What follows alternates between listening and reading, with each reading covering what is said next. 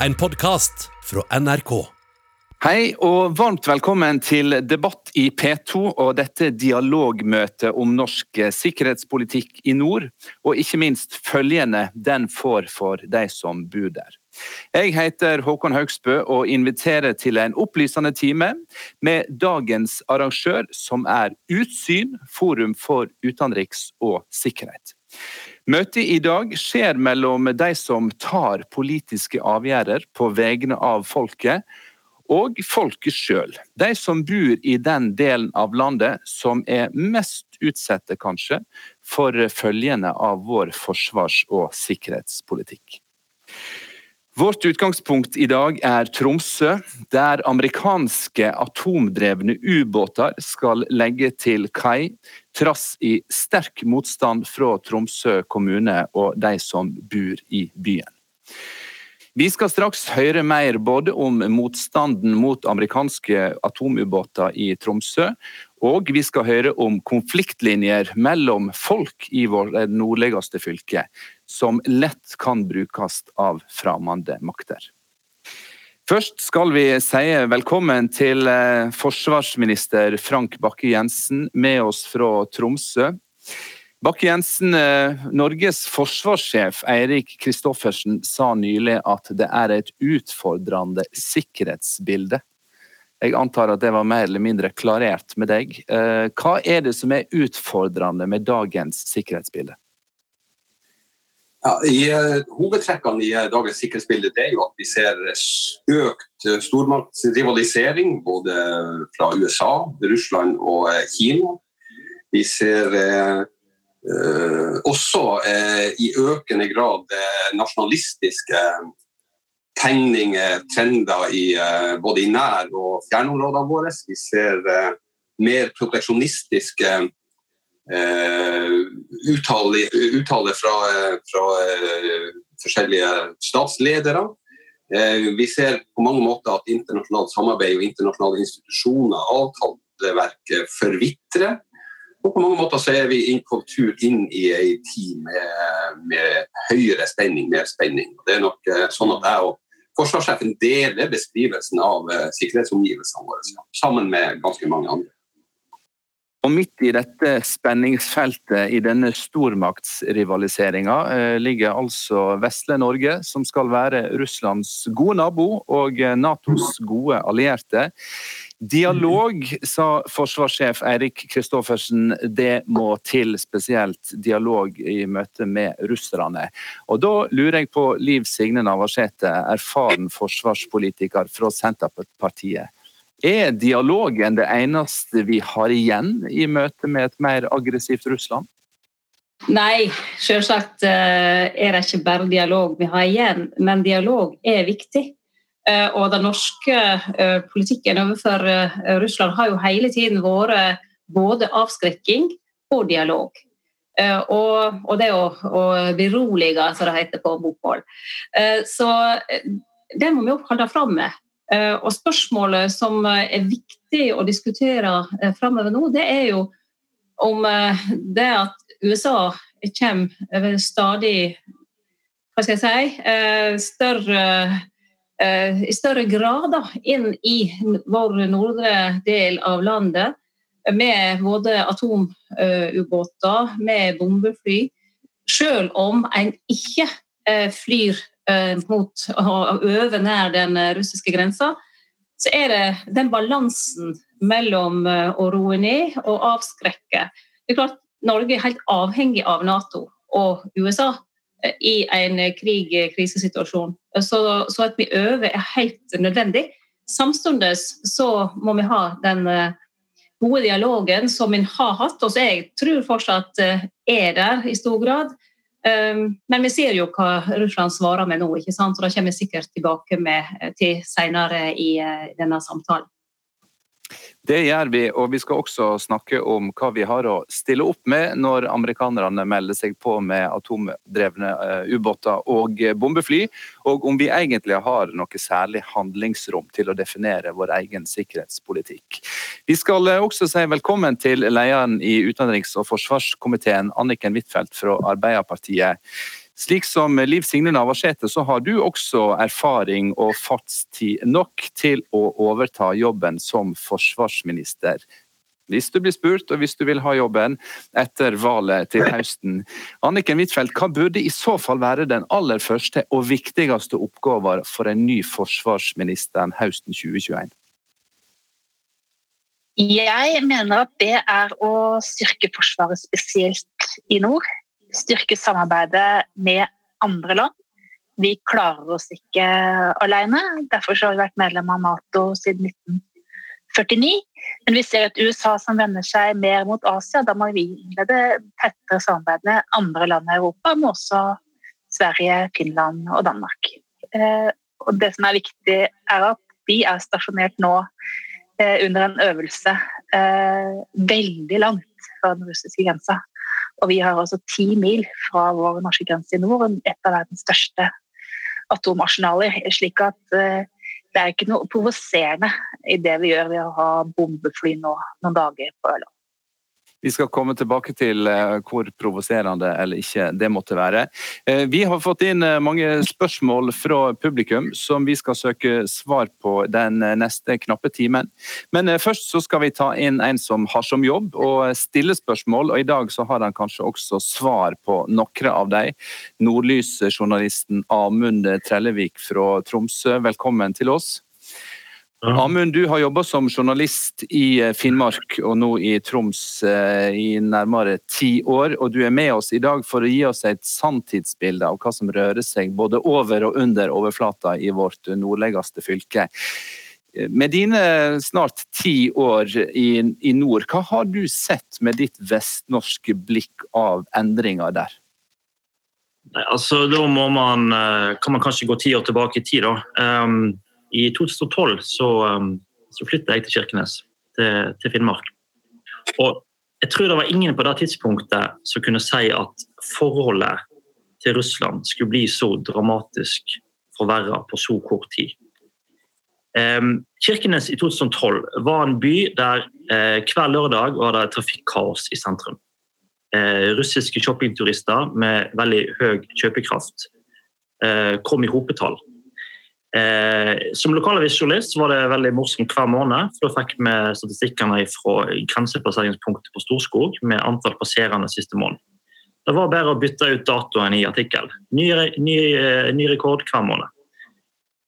I 2013 var Kirkenes vertskap for statsbesøk for Russland. Den russiske statsministeren Medvedev kom eh, til byen i lag med Jens Stoltenberg og eh, en del andre eh, nordiske utdanningsministre for et såkalt Barenstoppmøte. Da snakker alle om mer samarbeid på flere flater. Så skjer Krim. Og eh, over natta merka vi at ting ble veldig annerledes. Eh, de russiske shoppingturistene kom ikke så mange lenger. De som kom, shoppa ikke like masse. Kirkenes gikk fra å ha fire sportsbutikker til å ha færre. Eh, Dette er en by med 4000 innbyggere. Hvorfor skulle de ha fire sportsbutikker? Det ble, flere, altså det ble færre kontaktflater, det ble færre politikerbesøk, det ble færre konferanser som ble arrangert om ulike tema. Eh, og eh, for meg som lokalvisjonist i, eh, i Dagbladet Finnmarken, så hadde jeg da jobba med, med, saker tidligere, året før, som handler om at vi var med norsk og russisk grensevakt på det de kalte for erfaringsutveksling. Altså De besøkte hverandre i garnison i leirer og testa hverandre sine våpen. De spilte fotballkamp i lag, en, en årlig vennskapskamp. Eh, og Dette gikk på veldig kort tid til å bli fullstendig frosset. Eh, så I den konteksten så kan du si at for et lokalsamfunn så, eh, så merker man veldig, veldig godt disse, eh, disse, spenningene som allerede er, er nevnt innledningsvis. Mm. Ja, og så har det vært snakk om lenge her da, Amund, at eh, for folk i Troms og Finnmark, og spesielt da i Øst-Finnmark, så eh, har en holdt fram det gode, historisk gode forholdet til russerne. Og Når en da eh, kjenner på denne økte spenningen som forsvarsministeren snakker om, og en eh, ser at russisk marine øver med missilene sine sør om Bjørnøya og sender sitt tredje største marinefartøy inn Varangerfjorden, snakker folk i de nordøstlige delene av Norge fremdeles om dette varme forholdet til Russland? Ja, det gjør man helt klart eh, Russland har en spesiell plass i eh, de fleste finnmarkinger sitt hjerte. Og Det handler selvfølgelig veldig mye om hva som skjedde under krigen, men også andre historiske bånd som har vært viktig eh, mellom øst og vest eh, lenge, altså for mange hundre år siden. Eh, man må huske på at eh, i dagens situasjon så er kanskje vår felles krigshistorie det eneste man egentlig kan være enige om at man er enige om, for å si det på den måten. Eh, krigshistorie i det russiske samfunnet er veldig viktig. Krigshistorien er veldig viktig i Finnmark, Øst-Finnmark. Nettopp pga. den eh, frigjøringa som den røde armé gjorde høsten 44. Eh, um, og Derfor er det jo eh, på en måte fint å se at det samarbeidet om vår felles krigshistorie den foregår på tross av en meget vanskelig politisk situasjon mellom Vesten og Russland. Eh, det er ikke lenge siden det var en stor markering i Kirkenes av 75-årsjubileet for frigjøringen av, av Øst-Finnmark. Der var eh, både sjef for den russiske eh, Nordflåten, norske forsvarstropper var der, kongen var der, også den russiske utenriksministeren.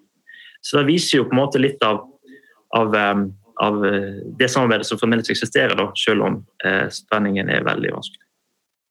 Du hører på Debatt i P2, og det er en grunn til at vi kaller dette for et eh, dialogmøte. For arrangøren Utsyn vil gjerne legge til rette for en åpen og brei offentlig samtale om den politikken som skal trygge folk og land. Velkommen igjen tilbake, forsvarsminister Frank Bakke-Jensen fra heimebasen din i Tromsø. Er det noe i det journalisten Trellevik fra Nordlys rapporterte fra nord, som du kjenner deg igjen i? Ja, nå er jo hjemmebasen min i Tromsø av forholdsvis ny dato. DNA-et mitt er vossjøring, så jeg er altså født i, eh, i Øst-Finnmark i 1965 og har eh, vært med på hele reisa. Eh, med en, med en kald krig med et Sovjet på andre sida av grensa som var noe stort, mørkt, farlig noe Eh, samtidig som jeg i, eh, i, et, i tøværet da muren falt, har, eh, har fostra opp barn som, eh, som, har lært meg et helt annet bilde på hva, hva Russland er. For datteren min så er Russland det mest spennende nabolandet. Hun hadde russisk både på ungdomsskole og videregående skole, universitet. Hun har vært på klassetur der og har eh, venner i klassekamerater med russisk mor eller far. Sånn at det her er jo noe som har endra seg fundamentalt på årene. Så og Det er også et viktig um, aspekt med når vi skal beskrive forholdene i dag. for Husk på at Vi har også bygd et annet syn på, på det russiske folk, og vi har et annet forhold til, til folk over grensa. Sånn at når, eh, når vi nå får, vi får en debatt rundt sikkerhetssituasjonen og eh, røffere sikkerhetspolitisk klima, så er det òg for at folk er misfornøyde med at ting går går galveien. Man, man, man, er veldig fornøyd med, med tøværet og det at man, man kan handle over, handle over grensa og, og uh, formidle kunstkultur og bli kjent med hverandre over, over grensa. Så skal vi ta det på um, Bakke-Jensen, jeg må bare si ja? deg at det skremmebildet som eh, folk i Tromsø i alle fall har sett i det siste, er jo da ikke av den russiske marinen, men snarere marinen til vår allierte USA som altså vil legge til med sine reaktordrevne ubåter. Hva del av den norske trusselvurderinga er det folk i nord og i Troms ikke forstår? Men det er jo ikke det at man ikke forstår, hvis man ikke ville ha et, eh, et eh, høyere eh, altså mer usikkert sikkerhetspolitisk bilde. Det er lov å, er lov å være motstander av det. det. Men verktøyet vårt har siden andre verdenskrig vært at vi er en aktiv deltaker i en forsvarsallianse. Og når ting går seg til, så, så, så må vi òg øve mer. Vi skal være fornøyd med at vi har allierte som, som øver her nord. Vi har soldater i Indre Troms, vi flytter hæren tilbake til Finnmark, vi seiler mer og, og flyr mer. Og så er det et viktig poeng. Vi, vi, vi bygger avskrekking, men vi bygger også, vi bygger også beroligelse som, som, et element når vi skal i, i forholdet til den store naboen i, i øst. Når vi er sammen med våre allierte om å, å gjøre de forskjellige øvelsene, det være seg på land, til sjøs eller i lufta, så er vi også med å påvirke operasjonsmønsteret, og vi kan bruke mer av de selvpålagte restriksjonene som Norge har utvikla for å drive beroligelse her nord. Vi kan varsle om hva vi skal gjøre, når vi skal gjøre det, og med hvem vi skal gjøre det. Sånn at her er ganske mange eh, av eh, elementene i det å drive alliert samarbeid som gjør at vi også driver aktiv beroligelse og bedre forholdet til vår nabo. Da må jeg spørre Liv Signe Navarsete. Forsvarsministeren viser her til at vi skal være glad for at våre allierte øver mer og sender sine ressurser til, eh, til norske baser. Men eh, hva er det med amerikanske bombefly, amerikanske US Marine-styrker og amerikanske ubåter til kai i Tromsø som skal virke beroligende på Russland?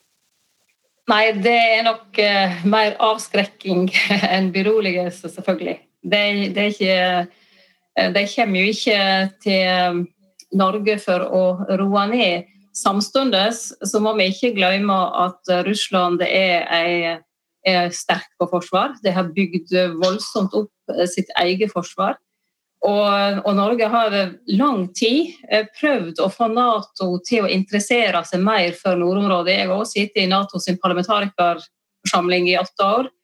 Eh, og fra jeg starta der og, til nå, så har det jo vært nesten en 180 graders snuoperasjon, for å si det sånn. Det er stor interesse for nordområdet nå. Eh, og for sikkerhetssituasjonen, sikkerhetspolitikken. Ressurser, da selvsagt. Eh, og det gjelder ikke bare Russland. Det, når det gjelder det siste, så er jo Kina definitivt eh, på banen. Og europeiske land er svært interessert. Så, så, så det har skjedd veldig mye etter det som Russland da gjorde ved å gå inn i Krim og annektere Krim. Altså det ble et vendepunkt som eh, har gjort at eh, situasjonen er helt annerledes eh, enn den var før. Og I Nato-sammenheng så var vel 2016 på en måte tidspunktet der en virkelig tok mer tak i dette. Og mm, slik sett så er det vanskelig for vil jeg si, både for forsvarsministeren og, og oss da, som opposisjonsparti å være for kritiske. For hvis våre allierte skal hjelpe oss i en krig eller krisesituasjon, så er vi helt avhengig av at vi har øvd i lag. Og vi trenger å bygge vårt eget forsvar til å bli sterkere. Eh, men vi, om vi styrker det vesentlig, så vil vi likevel ha bruk for alliert støtte. Så, så dette er et sånn tveegga sverd, både for oss sjøl, eh, fordi at eh, vi vil jo gjerne ha et godt og nært forhold til våre russiske naboer, samtidig som vi er alliert med USA. Eh, og helt avhengig av at vi har godt forhold til dem, det rene, men at vi òg kan øve og trene i lag. Og jeg tenker også at Russland ikke kan være for eh, kritisk, de vil alltid reagere. Men det er Norge, og det er vi som bestemmer eh, både hvem som skal komme til Norge, og hvordan en skal agere. Det er Norge og den norske regjeringa som setter vilkårene for øvinga, hvor langt øst en skal f.eks. fly eller gå med ulike eh, fartøy. Og, og, det er jo voldsomt viktig at det fortsetter. Det er voldsomt viktig at de nå er på Ørland eh, med, med de flyene som er kommet, bombefly, og ikke, ikke, på en base i nord. Og det er jo alt for å, for å dempe da, eh, den uroen som, som Russland da måtte føle på. Anniken Huitfeldt, eh, hvem mener du det er som har ansvaret for den stadig mer spente stemninga i luftrommet og i havområder utenfor Norge? Vi har jo sett en stor økning i russisk militær aktivitet. Og det starta jo også før eh, Krim. Vi hadde vært noen år i Afghanistan eh, med det norske forsvaret. Så kom det vi kalte nærområdeinitiativet i Nato, hvor vi sa at nå må vi vite mer om våre egne nærområder. Og få mer aktivitet fra både fly og fra marinen, altså fra hæren, i våre egne nærområder. Hvor vi så veldig økt militær aktivitet fra russisk side. Eh, vi skal selvfølgelig holde dialogen hele tiden. Vi skal selvfølgelig opptre beroligende. Men det er ikke slik at Russland har vetorett. Hvis vi skal høre på de hver gang de protesterer, da går vi over i ettergivenhet. Så Det som er viktig for norsk forsvarspolitikk jo og sikkerhetspolitikk, er jo at vi bestemmer sjøl. Vi skal samarbeide med amerikanerne, men vi skal jo holde dem et stykke unna den russiske grensa. Så jeg har jo sett at det har vært en økt militæraktivitet fra russisk side, og den er veldig nær den norske grensa. Vår hovedandel av styrker er veldig langt fra den russiske grensa, så vi opptrer etter min mening beroligende. Så du plasserer ansvaret på russisk side, hører jeg? Jo, men den økende stormaktsrivaliseringen, den er det flere som har ansvar for. Eh, så må jeg si at eh, det blir jo økt spenning når eh, president Trump ikke ønsket å forlenge startavtalen, som er kanskje høres veldig kryptisk ut, men som er den avtalen, atomavtalen som har redusert flest antall atomstridshoder i verden. Den har nå blitt forlenga.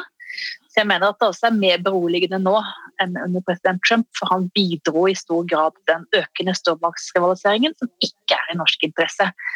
Slik at eh, jeg mener at USA nå er noe helt annet enn det USA var bare for to måneder siden. Da. Eh, og at de også bidrar til mindre konflikter mellom stormaktene det som var tilfellet under president Trump. Frank Bakke-Jensen, eh, nylig sendte den russiske marinen det tredje største fartøyet sitt, fregatten Marshal Ostinov inn Varangerfjorden i en manøver som Forsvaret sier en ikke har sett maken til heller i den kalde krigen. Eh, fregatten stryker altså langs eh, den undersjøiske norskegrensa i Varangerfjorden. Hva forteller dette deg som forsvarsminister? Det forteller at Russland er ute etter å signalisere eh, at de er misfornøyd med at vi øver. Men samtidig så, så skal vi ikke overtolke russiske signal. Eh, det ble slått stort opp i forrige uke at eh, Russland varsla Notam og øvingsområdet for missilskyting rett nord for eh, Hammerfest. Som om det var noe nytt. Siden jeg ble forsvarsminister, har de i alle fall varsla den typen øving åtte ganger langs, langs norskekysten. Andøya og enda, helt, ned til, helt ned til Nordsjøen. Sånn at det her er noe Russland gjør med, med jevne mellomrom. Så, så, er det et viktig, viktig poeng her. det at vi må være klar over at det, er ikke, det er ikke sånn at uh, vi sitter alene og ser det her. Det er altså sånn at det nordiske, det nordiske forsvarssamarbeidet og de nordiske land har akkurat den samme beskrivelsen av den sikkerhetssituasjonen vi befinner oss i nå. Og tar mange av de, de samme grepene. De, de bombeflyene som er stasjonert på Ørland nå, de øver med norske landstyrker for, på uh, forsvar av, av, Norge. Og de øver med svenske landstyrker på forsvar av Sverige. Sånn at det, det, det her er ikke, og, og, og i den, den, eh, polemikken vi hører nå, og retorikken vi hører nå, så er det iallfall sånn at de nordiske land har veldig sjelden blitt pekt på som noen krigshissere. Sånn at det, det, vi gjør nå, det gjør vi i forsvarssammenheng for at vi ser økt spenning, vi ser økt stormaktsrivalisering. Også i en globalisert verden så er det sånn at noe kan skje i en annen del av verden som vil påvirke omgivelsene våre i negativ retning. Da er det viktig at vi både er her med forsvarsalliansen vår, og at vi har øvd på de tingene vi må kunne, og at vi har signalisert at vi kan eh, drive forsvar i, i, i alliert eh, sammenheng. Det er god, både god avskrekking og god beroligelse. Og så sier Liv Signe Navarsete ehm, at det kan være vanskelig å være kritisk eh, til sine venner, de allierte. Det kan være vanskelig å, eh, å, å sette egne grenser. Og det er kanskje mye derfor det har vært konsensus om norsk utenriks- og sikkerhetspolitikk på Stortinget siden krigen, mer eller mindre. Eh, da lurer jeg på, hva hadde vi tjent på mindre semje og mer åpenhet åpen politisk debatt om eh, Norges rolle mot Russland og Norges rolle i Nato? Spør forsvarsministeren først. Ja, altså, eh, det her er, altså jeg, er veldig glad for at sikkerhetspolitikken forsvarspolitikken det er noe som ligger til regjeringa, at det er et nasjonalt anliggende. Eh, både beredskapsmessig i forhold til terrorhandlinger, beredskapsmessig i forhold til en pandemi eller andre kriser, så er det lurt at vi har tenkt nasjonalt og at vi har bygd opp et forsvar med beredskap nasjonalt. Det gjelder også sikkerhetspolitikken. Sånn at det, vi, skal, vi, skal, forankre politikk så godt som mulig, og vi skal involvere så godt som mulig. Men akkurat på de, det, å, det, det, på statssikkerhet og det å sikre at vi kan styre Norge det, med, etter den demokratiske modellen vi har valgt. Der er vi nødt til å tenke, tenke nasjonalt, tenke stat. Da tror jeg òg det er lurt at vi har en eh, stor grad av enighet om hvordan vi, vi, gjør det i Norge. Og så er jeg veldig for at vi skal ha en så, så åpen debatt som mulig, rett og slett for at det tror jeg klærer demokratiet vårt. Det er òg de verdiene vi, vi, bygger for, og de, de, vi har, de verdiene vi har felles i en forsvarsallianse. Sånn at det skal vi ha i så stor grad som, som, som mulig. Men eh, det er nok sånn at eh, en kommunal folkeavstemning for om vi skal være medlem av Nato eller ikke, så langt, eh, så langt går, ikke, går ikke fleksibilitet. Nei, jeg hadde ikke tenkt å legge Nato-medlemskap eh, i potten, men Liv Signe Navarsete hadde vi vært tjent med en skal vi si, eh, friere og, og, en debatt mer prega av motstand og motsetnad når det gjelder forsvars- og sikkerhetspolitikken? Jeg tror det er bra for en nasjon at en kan ha åpne debatter om egentlig alt. Eller iallfall det aller meste. Så er det jo noe som Eh, nok eh, må være unnatatt offentlighetens lys. Eh, men jeg registrerte at forsvarsministeren setter likhetstegn mellom utenrikspolitikken, sikkerhetspolitikken, var vel det han sa da, og, og forsvarspolitikken som regjeringens prerogativ. Det er jeg ikke sammen med ministeren om. fordi at uh, Utenrikspolitikken er regjeringa sitt, uh, sitt, område og prerogativ. Når det gjelder forsvarspolitikken, så er det Stortinget som hvert fjerde år vedtar en langtidsplan, og som òg etter lov og, og, og regelverket er, er, absolutt ansvarlig eh, for, eh, for, forsvarspolitikken. Så der har vi jo, Bare for å ha nevnt det. Men um, det viktige for å svare på spørsmålet, det er at uh, vi, vi, får jo høve til å debattere sikkerhetspolitikken ved at en har orienteringer. Eh, og Senest 18.2 var den offentlige delen av trusselvurderinga lagt fram av eh, E-tjenester, PST og NSM. Eh, og det er mye der å, diskutere i det offentlige rom, selv om at det, nok sikkert vil være noe som, som ikke blir lagt fram. Så, så, det er jo opp til både oss og egentlig veldig mange andre òg. Vi kan jo peke på media, akademia. Mange bør være med og diskutere dette temaet. for er jo egentlig det viktigste vi diskuterer. Den viktigste oppgaven for hver, hver storting og regjering det er jo å sikre tryggheten eh, til innbyggerne. Og Ergo så er dette også det viktigste temaet vi kan eh, ta opp i eh, det norske samfunnet, og spesielt i en tid der eh, vi ser at spenningene øker. Vi skal eh, snakke mer om Norges rolle som Nato i nord her i Debatt i P2. I dag med utgangspunkt i Tromsø, der kommunen og innbyggerne har protestert mot at amerikanske atomdrevne ubåter skal få legge til kai. Både allierte båter og fly og russisk marine og flyvåpen øver hyppigere og i større omfang i nordområdene. Stemninga mellom Norge og Russland er dårligere enn under den kalde krigen, sies det fra flere hold. Hva gjør Norge for å lette på stemninga, spør vi nå.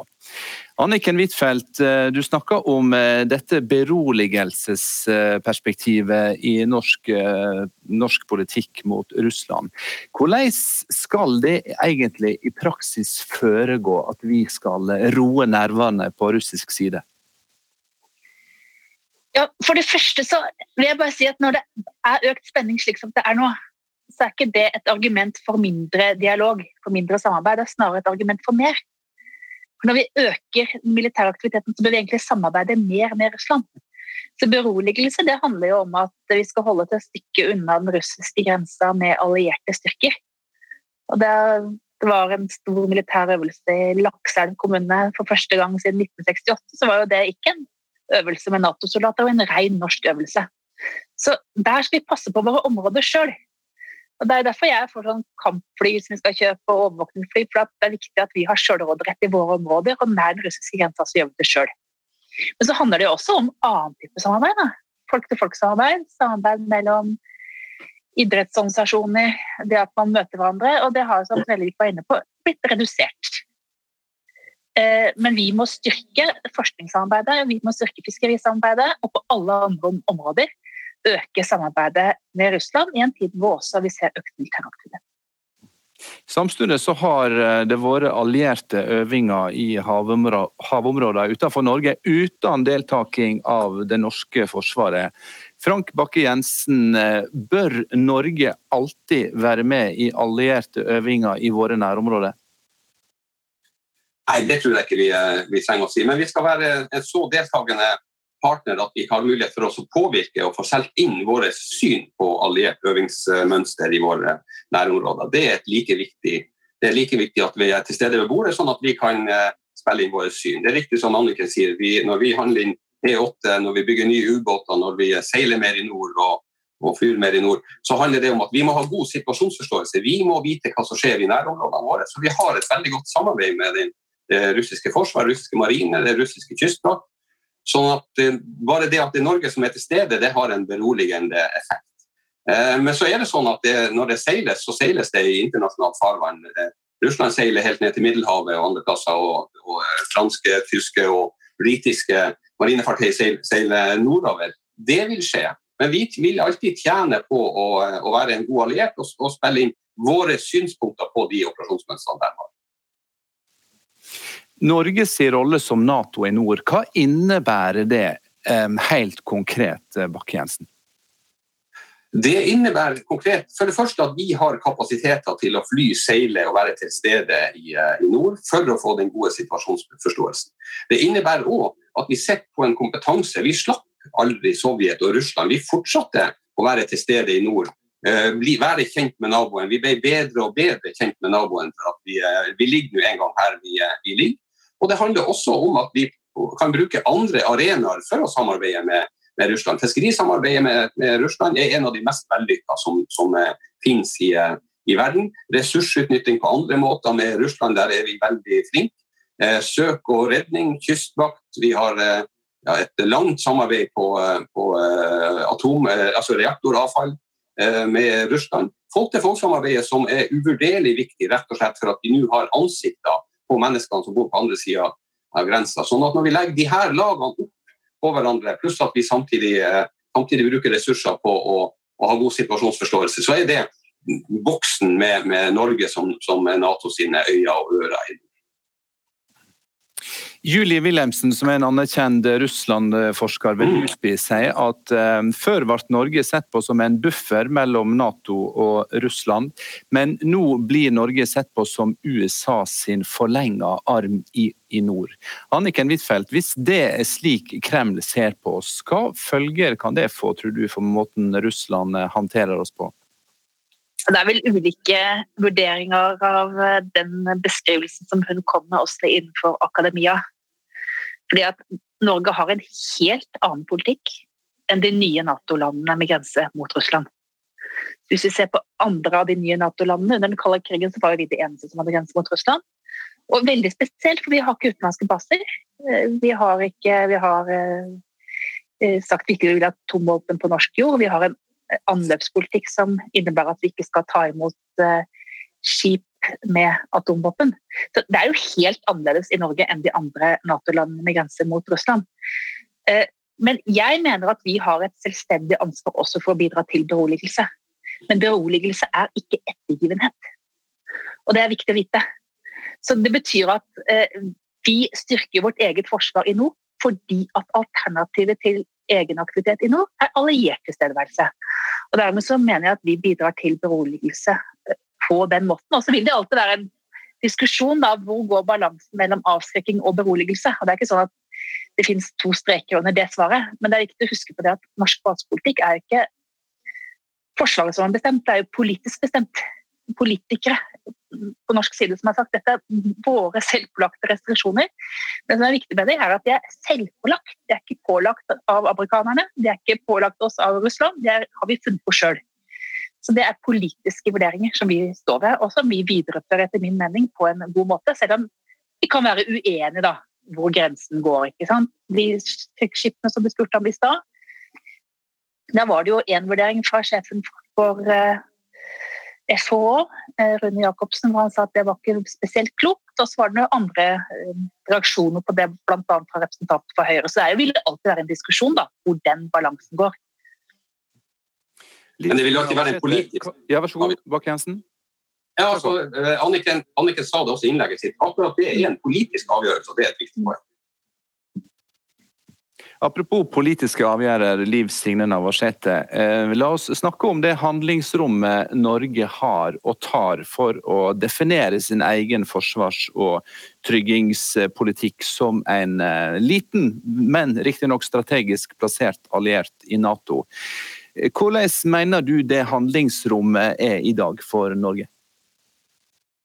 Vanskelig spørsmål uh, igjen. Men uh, et, jeg mener at det handlingsrommet eh, ikke har vært så stort i tider der det har vært høy spenning.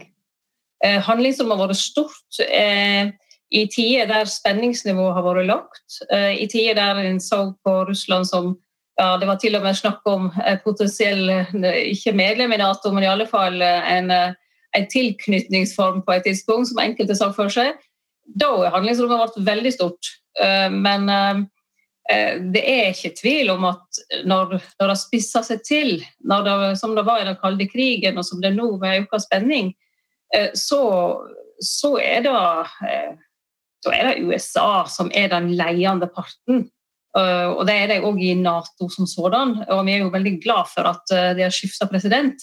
Og for å ha fått tilbake en president som vil faktisk ta den lederskapen og være for vi er avhengig av det. Eh, det er, det er nå engang slik eh, det er, selv om eh, Europa har tatt større del av forpliktelsene og både betaler mer og bygger opp sterkere forsvar, så, så er vi helt avhengig av det. Og Det gjenspeiler seg òg i selvfølgelig de maktforholdene som er. og jeg tror ikke det er spesielt lett for en utenriksminister eller forsvarsminister eller statsminister for den saks skyld i Norge å si nei takk eh, til forespørsler fra USA.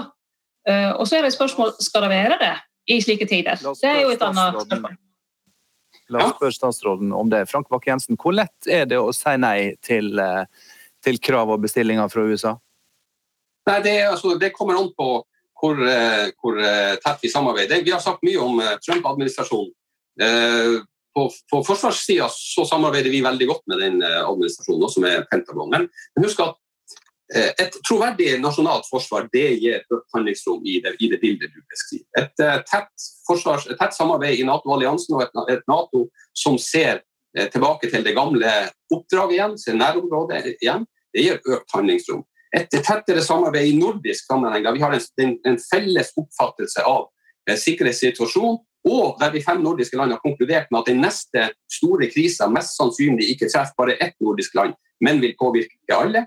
Oss den erkjennelsen gjør oss økt handlingsrom. men vi kan tale med én stemme, og vi kan si både når vi er fornøyd og når vi er misfornøyd.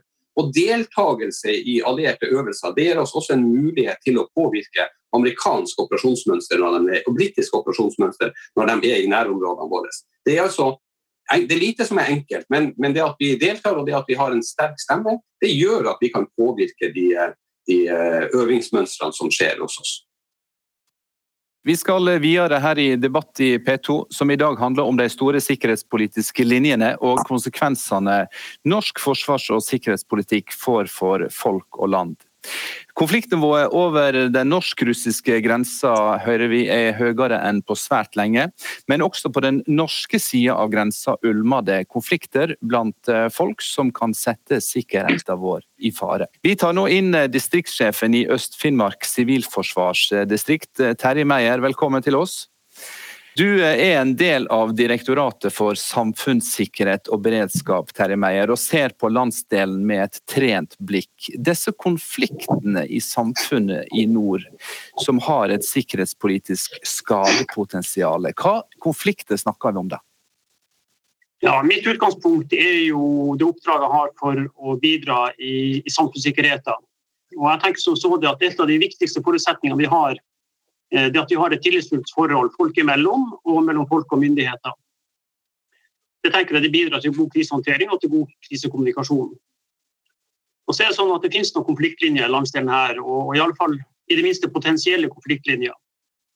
Noen er tydelige, noen debatteres aktivt, og andre er kanskje mindre tydelige. Jeg tenker bl.a. på for det her eh, sentrum-periferispørsmålet, som er en ganske konstant faktor i norsk politikk. tenker jeg. Og her i nord eh, til tider omtalt som forholdet mellom oss og den såkalte sentralmakta. En variant av det her kanskje, det er jo det som skjer nå rundt eh, regionreformen, fylkessammenslåinga, forholdet mellom Troms og Finnmark. Eh, og kanskje i det siste en tilspissinga som er i ferd med å skje når man begynner å diskutere en eventuell skilsmisse. Som er et tema som oppleves som viktig her.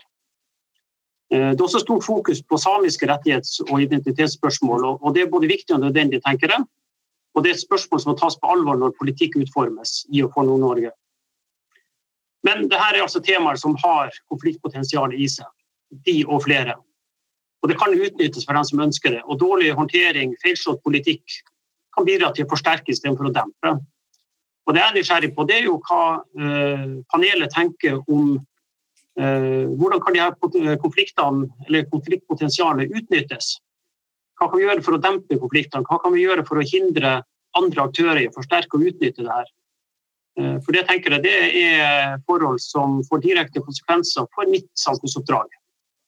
Ja, la meg spørre deg da først, Terje Meier. Hva skadepotensialet ser du i misnøyen rundt eh, fylkessammenslåinga eller striden rundt eh, samiske rettighetsspørsmål?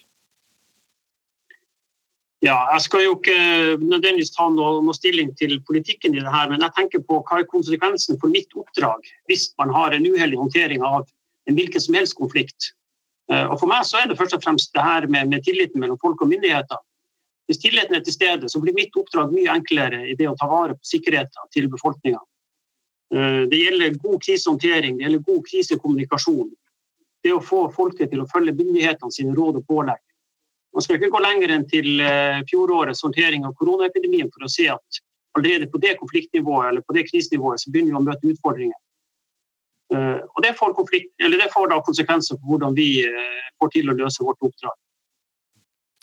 Takk, Terje Meyer. Vi spør journalisten i Nordlys, Amund Trellevik, eh, når vi snakker om skadepotensialet i disse konfliktene, og hvordan de kan brukes av fremmede makter eller andre med dårlige hensikter. Hva har du sjøl sett fra din posisjon som journalist i Nordlys?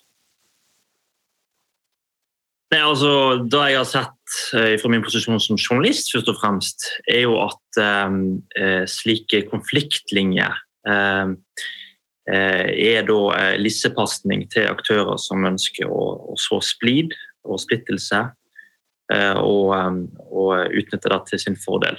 det kan både være statlige aktører, det kan være andre òg.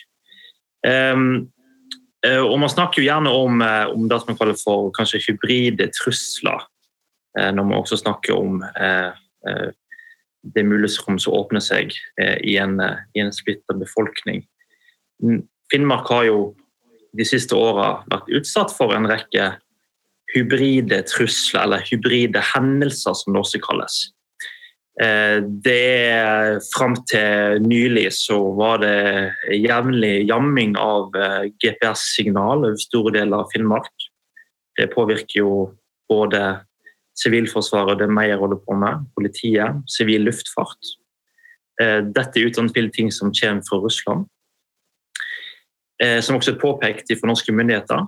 Eh, I 2015 så opplevde Norge en stor asylkrise i Finnmark, på Storskog. Som journalist i Kirkenes på det tidspunktet så observerte vi jo hvor utrolig lett det var å destabilisere et helt samfunn. Det kom i underkant på det meste 200 asylsøkere per dag, og lokalsamfunnet var lamslått. Eh, det var en rekke statlige aktører som eh, forsøkte å, å få samfunnet til å fungere. Det fungerte ikke. På enkelte tidspunkt så ble asylsøkere stua inn i busser. Bussjåføren fikk beskjed om å kjøre langs E6 til du får en ny beskjed om hvor du skal kjøre. Så man kan ikke si da på en måte at, eh, at Russland sto bak eller ikke sto bak asylkrisen. Det som var et faktum, var at når den skjedde, så ble den utnytta av russiske myndigheter. Det handlingsrommet som tidligere nevnt i debatten, eh, hadde man ikke lenger overfor russiske myndigheter. Og det fikk, eh, fikk det konsekvenser. Eh, og det er jo I en beredskapssammenheng så det er interessant å observere da, hvor lett det var å sette et helt samfunn ut av spill. Og Det tror jeg man må også huske på når man snakker om denne, denne konfliktaksen eh, som kan oppstå i et samfunn. Denne manglende tilliten i, et, eh, i, en befolkning, og hvor lett det kan utnyttes av andre, av andre aktører. Frank Bakke-Jensen, eh, vi hører at eh, konflikter kan være farlige på begge sider av, av grensa. Og kanskje er faren større for en invasjon av våre datasystem, sosiale medier, tankesett og holdninger enn en invasjon over, over landegrensa. Er vi som nasjon rusta for å stå imot denne type trusler? Vi er bedre rusta enn det vi, det vi, var, men det her er jo, eh, det her er jo et konstant eh, arbeid. Jeg har veldig, jeg har veldig for, eh, eller respekt for, for beskrivelsen på, på, på, på, den type krise man ser. Og vi skal huske at eh, vi skal også huske hvor, hvor dypt de kan være. Altså, samiske rettigheter og identitetsspørsmål det har vi, det har vi i utgangspunktet slitt og slamra med i Finnmark siden, siden, ja, før Alta, egentlig. Og så fikk det en boost, da, så har vi hatt fått Finnmarksloven og ting uh, underveis. Men samtidig så er det her et, uh, det er en daglig kilde til, uh, til konflikt. Arealkonflikt, rettighetsspørsmål, identitetsspørsmål. regionreformen handler jo, handler i utgangspunktet om å levere, kast, altså levere tjenester til, til, innbyggerne. Det tror ikke jeg blir mindre viktig i, i tida fremover. Også i et, i et hybrid sikkerhets Eh, bildet. Rett og slett for at eh, mulighetene for å, å, å så splid og så misnøye er så uendelig mye større hvis man hele tida kan peke på at her får vi ikke det de andre, det de andre får. Sånn at jeg er, jeg er veldig glad for, for eh, Liv Signe nevnte de, de trussel, åpne trusselvurderingene vi har i dag fra, fra de hemmelige tjenestene våre. Det tror jeg er et viktig, viktig verktøy for å, for å holde den, den, offentlige debatten, for å gjøre hver enkelt klar over over trusselbildet. Og så tror jeg vi må, skal være klar over at, eh, som, som eh, debattlederen sier, at eh, ja, en, en digital trussel, en hybridtrussel og, og, en påvirkningsoperasjon er nok mer sannsynlig enn en invasjon. Men, men, samtidig så er det sånn at det å flytte Forsvaret tilbake til Finnmark, det gjør vi for at finnmarkingen også skal se at, at nasjonen, at staten er tilbake i, i, Finnmark. Derfor er det viktig at vi har styrkene våre der oppe. Vi skal forsvare Norge fra russergrensa og sørover, inkludert alle havområdene, da må vi òg ha tilstedeværelse over. Anniken Huitfeldt, eh, diskusjonene om eh, polariseringa og splid i det norske samfunnet blir veldig sjelden sett inn i en sånn eh, forsvars- og sikkerhetspolitisk eh, kontekst som i kveld. Eh, hvor stor del av fokuset i norsk sikkerhetspolitikk vil du si har vært nettopp på farene ved polarisering, konflikt og indre splid på norsk side? Ja, det er jo derfor denne debatten her er så lavmælt. Altså, hvis du hører på en vanlig debatt på Dagsnytt 18, så tror jeg halvparten av debattene er politikere fra våre partier som ønsker bevisst å misforstå hverandre for å få til en god diskusjon.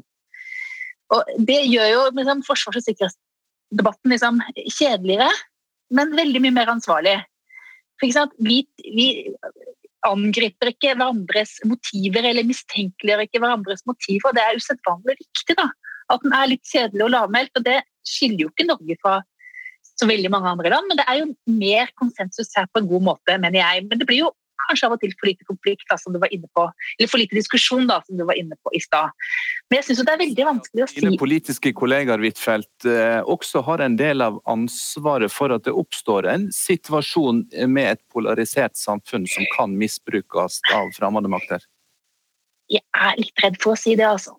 Fordi at liksom, Diskusjonen om Troms og Finnmark, at den ikke skal gå høylytt, det har også skjedd eh, på 90-tallet, da det ikke var et Russland som opererte slik de gjør nå. Si at man skal liksom dempe debatten om disse spørsmålene for å ikke bidra til at dette skal bli utnytta, det syns jeg er en ganske dårlig beskjed meg som søring. altså. Den diskusjonen må foregå. Og så må vi samtidig ha et veldig godt samarbeid da, mellom sikkerhetsmyndighetene og folk. Og den var jo usedvanlig dårlig da, før i tida. Da var det jo slik at PST skrev sine rapporter at folk i nord var naive. Eh, og det står i historiebøkene. Så det må bygges hele tiden eh, en kontakt, da, enten det er mellom eh, politiet, Forsvaret og befolkninga i nord. Så det, det arbeidet er viktigere enn tidligere, mener jeg. Liv Signe Navarsete, du er jo en av politikerne som eh, fikk innbrudd i e-posten din på Stortinget. Ifølge PST så var det russiske krefter, eh, myndighetsgodkjente sådanne, som eh, sto bak eh, innbruddet. Det til side, eh, saksopplysning. Hvordan mener du at vi skal hindre at et polarisert og splitta norsk samfunn blir en sikkerhetsrisiko? Ehm, jeg er jo litt eh, usamd med eh, Annike Huitfeldt i at eh, vi som nasjonale politikere ikke har et ansvar her. Fordi at en del av den det, Bakgrunnen for at de nå har tøffe diskusjoner i Troms og Finnmark, er jo nettopp en regionreform som, de, som var tredd nedover hodet på dem, som ikke de ønsker seg. Bakgrunnen for at en diskuterer um, om politiet har trukket seg tilbake, om andre beredskapssektorer er godt nok representert, om tryggleiken er god nok. Vel, det er nå da et resultat av, uh, av, vedtak som er gjort på Stortinget. Uh, Men sa jeg det, Liv Signe?